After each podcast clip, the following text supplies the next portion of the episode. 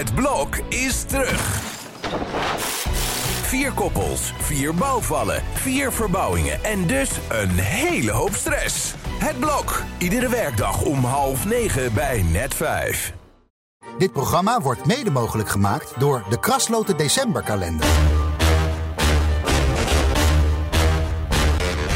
Dit is Strikt Privé, de dagelijkse showbiz-update met Evert Zantegoed en Jordi Versteegden. Op de één na laatste privé-day van 2023. Ja, volgende week ligt er wel een blad in de winkel, maar liggen wij hier niet in deze podcast Nee, zijn wij een weekje eh, vrij. Hè? Kerstdagen en de dagen tussen kerst en oud nieuw hebben we er maar aan vastgeplakt. En, ja, moeten mensen het even zonder onze podcast stellen? Nou, dat zal ook nog wel lukken, denk ik. Maar daarna ligt er een heel jaar voor ons dat we het wel weer gaan doen. Dus eh, nou, Precies, precies. Of je moet gewoon wat oude afleveringen van ons gaan terugluisteren. Als, Oh. een, als een soort van jaaroverzicht, toch? Nou, we gaan er vandaag nog even alles uithalen wat erin zit en de rest van de week. Alhoewel, we moeten toch even beginnen met een triest bericht over Dave Roelvink.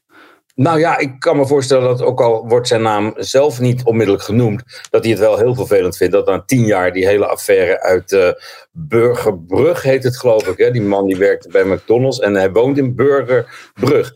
En eh, ja, daar is toen het een en ander voorgevallen in, in, in een nacht in die villa. Ja. En eh, Dave is daarvoor veroordeeld. Tien jaar geleden, zeg ik er nogmaals bij, voor, voor heling. En andere vriendjes voor het maken van een video. En de Hoge Raad heeft nu geoordeeld dat die hele zaak over moet. En ja, dan valt de naam Dave Roelvink natuurlijk ook weer. Ook al is het niet zijn gedeelte wat over moet. Mhm. En eh, hij had het liever achter zich gelaten. En ik kan me voorstellen dat je hier totaal niet op zit te wachten op deze jeugdzonde. Aan de andere kant, ja, op die manier is de naam Dave Roelvink wel bekend geworden. En Ja. heeft het redelijk voor hem uitgepakt. Ook al was het niet de meest sympathieke rol natuurlijk, met dat meisje en, en wat er allemaal gebeurd is. Maar eh, ja, het is eh, lang geleden. Hij ziet het zelf als een jeugdzonde. Heeft van geleerd, heeft een ander leven inmiddels. En ja, hier de, deze zure appel moet hij maar even heen. Ja, nou normaal gesproken kun je Dries altijd bellen voor commentaar. Maar op dit moment zegt hij geen commentaar. Hè? Dat is wel Oh, opvallend. nou, ik, voor mij heeft meer, Dries meer een microfoon in zijn handen dan zijn telefoon op dit moment. Die heeft zoveel optredens rond de feestdagen staan, dat hij eh, ook gewoon slecht bereikt is. Ja. Maar eh, ja, juist omdat het voor Dave verder helemaal niks verandert. En eh, ook, ook, ja, eh, houden ze, doen, houden ze het maar een beetje klein, denk ik. Ja, en dat is in dit geval eh, het enige wat je kan doen. Ehm, ja, gisteren kondigde jij het in deze podcast al aan dat je nieuws had over Maxime Meiland. Of althans vandaag in het blad een vervolg op het verhaal van vorige week. Hè? Ja, nou ja, en we hebben nog eens even gekeken wat er allemaal in oude interviews gezegd wordt over Maxime. Want het verhaal over de verkrachting was natuurlijk niet de eerste keer dat het naar buiten kwam. Hmm. En wat dan heel opvallend is, is dat zij toch wel een heel wilde jeugd gehad heeft. Dat was in de periode dat Martien het gezin verlaten had, in Amsterdam woonde om zichzelf te ontdekken. Uiteindelijk is hij met hangende pootjes teruggekomen, want ja, hij is ook weer getrouwd met Erika. En je kan je toch niet voorstellen dat die mensen zonder elkaar eh, zouden leven. En ja, daar zegt eh, Maxime wel hele rare dingen over. Opvallende dingen in ieder geval. Ook dat zij in die periode ontzettend heeft leren liegen. Hm? En dan in het licht van zo'n naderende rechtszaak. Ja, kun je je Hmm. afvragen. Haalt zij zo de eigen zaak onderuit? Want die jongen is heel stellig. Die gaat eerdaags met zijn advocaat aanwijzen wat er allemaal gebeurd is en waar dat allemaal gebeurd is. Ja. En eh, ja, de messen worden geslepen en het gaat, eh, het gaat beginnen.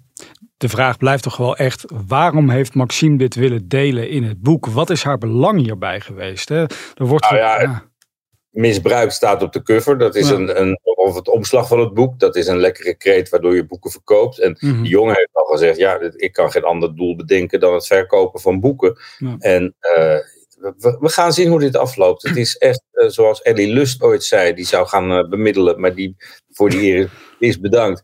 Eh, is een, elk, een, een pannenkoek, ook al is hij nog zo dun, heeft altijd twee kanten.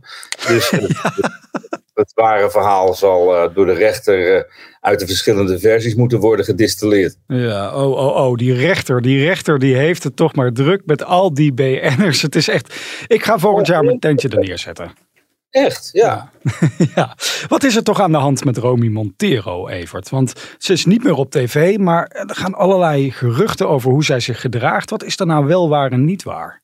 Nou, er zijn inderdaad wel eh, klussen die haar afgepakt zijn, die niet doorgegaan zijn of al minder goed uitgepakt hebben dan, dan gehoopt. Uh, zelf houdt ze erop dat ze ontzettend druk is met haar muzikale carrière. Daar krijgen wij weinig van mee. Maar ook alweer in het nieuwe jaar kondigt zij allerlei nieuw materiaal aan. Mm. Maar gisteren was dat muziekgala met koningin Maxima op de eerste rij. Dat zou zij presenteren met Buddy Verder. Dat is niet doorgegaan. Daar duikt ze dan ook ineens niet op. Het is totaal niet duidelijk wat, wat daar de reden van is. Ja, niet omdat je net die avond in de studio studio moet zijn voor je nieuwe album, lijkt me. Dat plan je wel anders.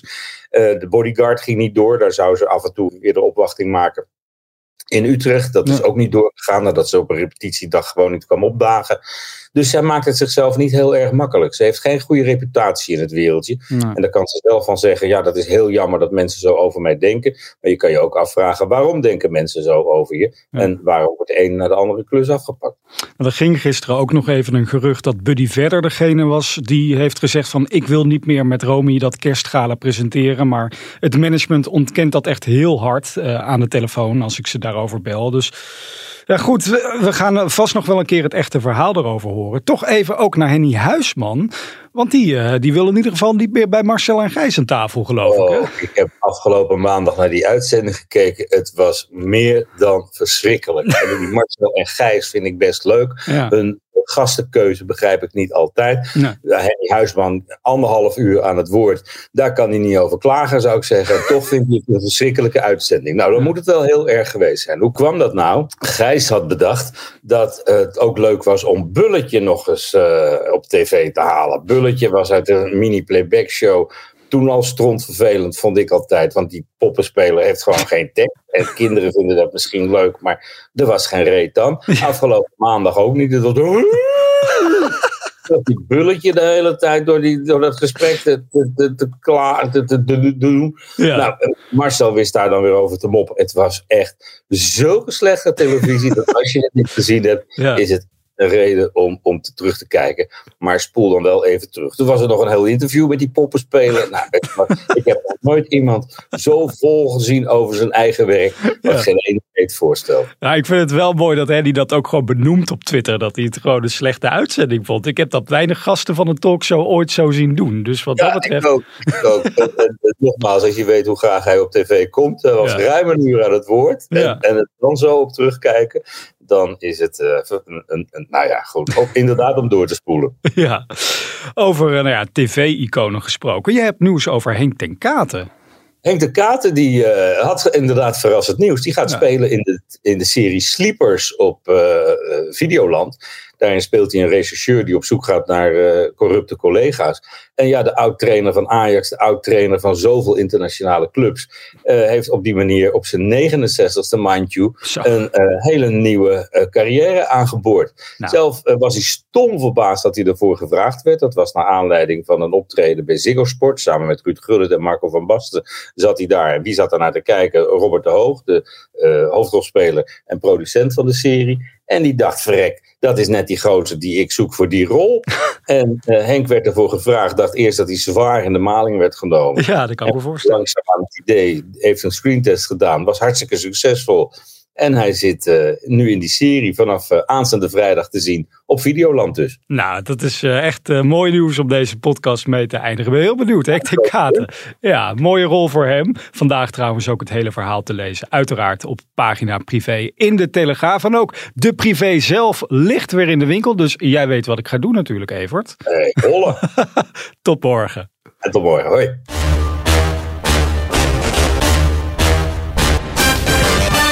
Dit programma werd mede mogelijk gemaakt door de Krasloten Decemberkalender.